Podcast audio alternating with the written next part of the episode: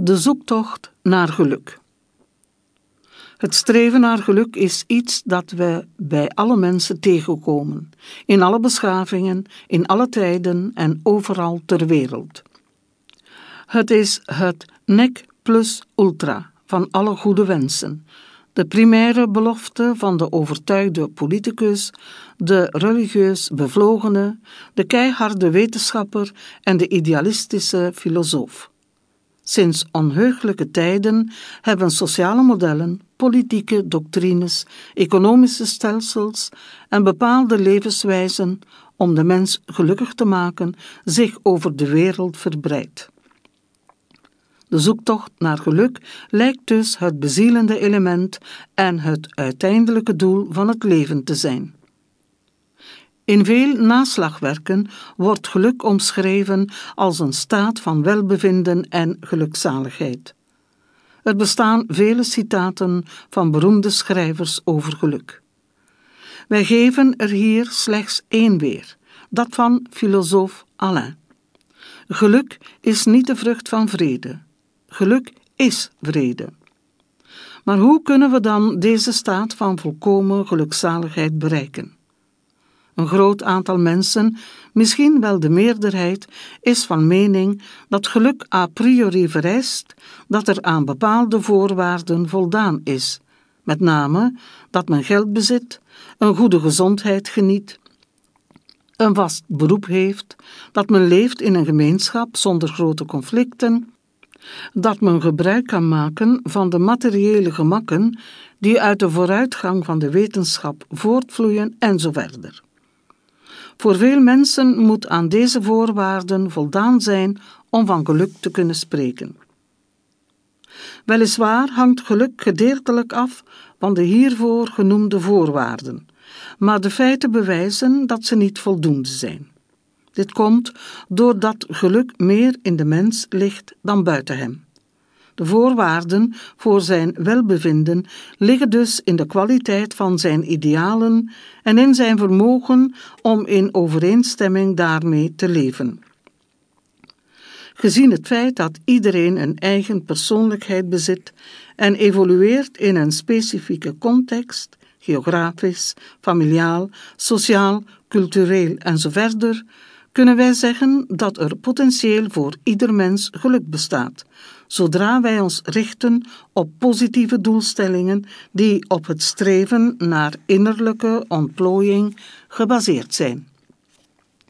Zeker, wij kunnen ons in onze keuzen vergissen, maar in de loop van onze ervaringen hebben wij altijd de mogelijkheid onze vergissingen in te zien en ze te corrigeren. In die zin is geluk geen statische situatie, want het is een bewustzijnstoestand en dus een dynamisch en veranderlijk gegeven. Geluk hangt hoofdzakelijk af van iemands innerlijke rijkdom. De belangrijkste oorzaak voor geluk ligt in deugdzaam handelen, zei Aristoteles, en hij sloot daarmee aan bij de mening van Socrates. Rozenkruisers hebben het vaak over deugden, omdat ze de eigenschappen van de ziel zijn en de sleutel tot geluk. Alle wijzen uit het verleden hebben ons gezegd hoezeer ze de grondslag van de menselijke waardigheid vormen en het erfgoed zijn van iedere ingewijde die deze naam waardig is. Dit is zo omdat hetgeen zij toepassen ons laat meetrillen met onze goddelijke aard en een beroep doet op de positiefste energieën van ons innerlijk zelf. Vandaar deze raadgeving, die te lezen is in het boek Aan u gun ik. Kunt u ooit te edelmoedig over uw ziel denken? Kan er te veel tot haar eer worden gezegd? Zij is de essentie van Hem, die haar aan u gaf. Tracht niet uw ziel volledig te begrijpen, maar word er één mee. Onderzoek de ziel door haar vermogens, leer haar kennen door haar deugden. Het kenmerkende van een deugd is het feit dat ze vrijheid brengt vanaf het moment dat wij haar in praktijk brengen. Hoe meer deugdzaamheid wij namelijk tot uitdrukking brengen in onze oordelen en in ons gedrag, hoe zelfstandiger wij worden en hoe vrijer wij ons voelen. Epictetus zou het volgende gezegd hebben. Je hoopt dat je gelukkig wordt zodra je verkregen hebt wat je verlangde. Je vergist je.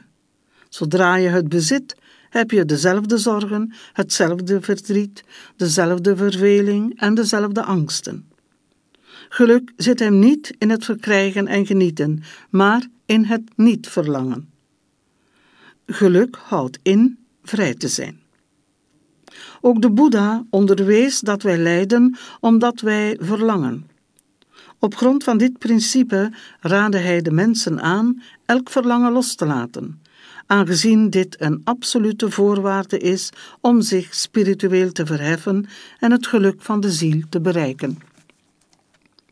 Geluk ligt ook in het vermogen ieder wezen lief te hebben en alles wat leeft te respecteren. Wanneer wij door een dergelijke liefde geïnspireerd worden, voelen wij hoe er in ons één enkel verlangen ontstaat.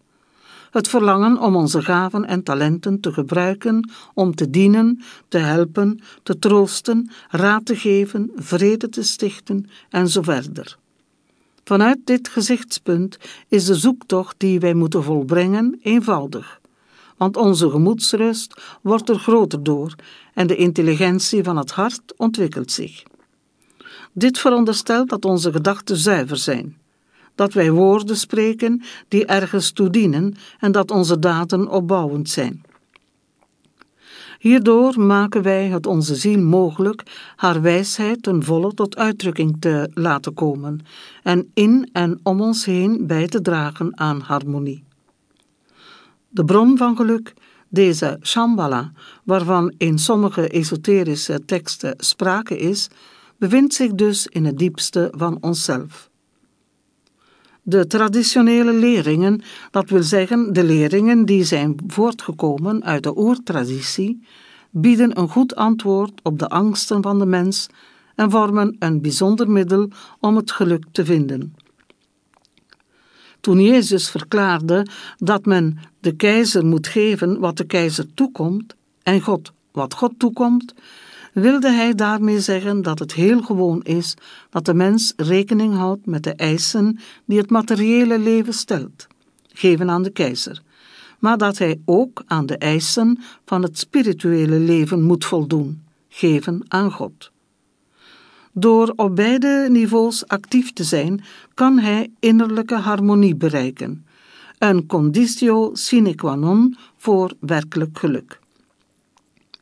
Het impliceert dus niet dat wij moeten afzien van fysieke genoegens of van de verworvenheden van de technologie, maar dat wij ze moeten matigen door middel van spiritualiteit.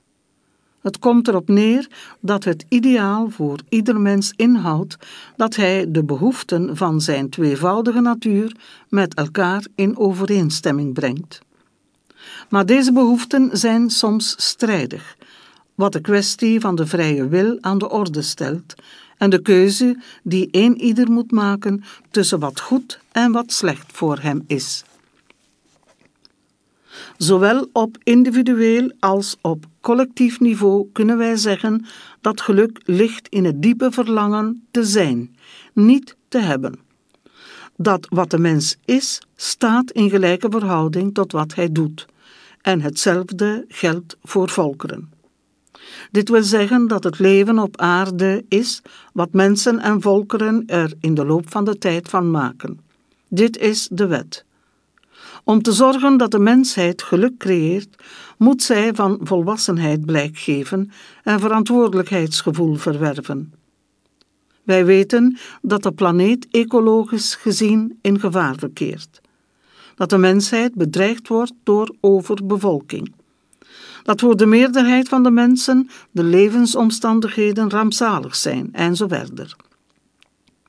De oplossing voor deze problemen ligt enerzijds in een spiritualiteit die berust op contact met God en beoefening van de deugd, en anderzijds in een humanisme gebaseerd op het verlangen echte broederlijkheid tussen alle mensen tot stand te brengen.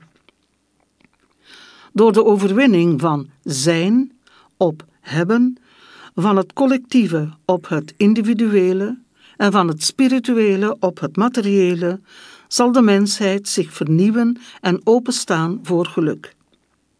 Tot besluit willen wij zeggen dat het zoeken naar geluk zowel een individuele als een collectieve zoektocht is en berust op het verlangen zichzelf en anderen beter te kennen. Absoluut gezien zou geen enkel mens zich volledig gelukkig mogen voelen, zolang hij weet dat er mensen vlak bij hem of op duizenden kilometers afstand ongelukkig zijn. Geluk komt dus overeen met een staat van bewustzijn die berust op diep humanistische idealen. Humanisme, in de betekenis die de Rozenkruisers aan deze term geven, is niet denkbaar dan via spiritualiteit, want alleen in de overtuiging dat hij deel uitmaakt van een goddelijk plan, kan de mens boven zichzelf uitstijgen, voor zijn eigen welzijn en dat van anderen.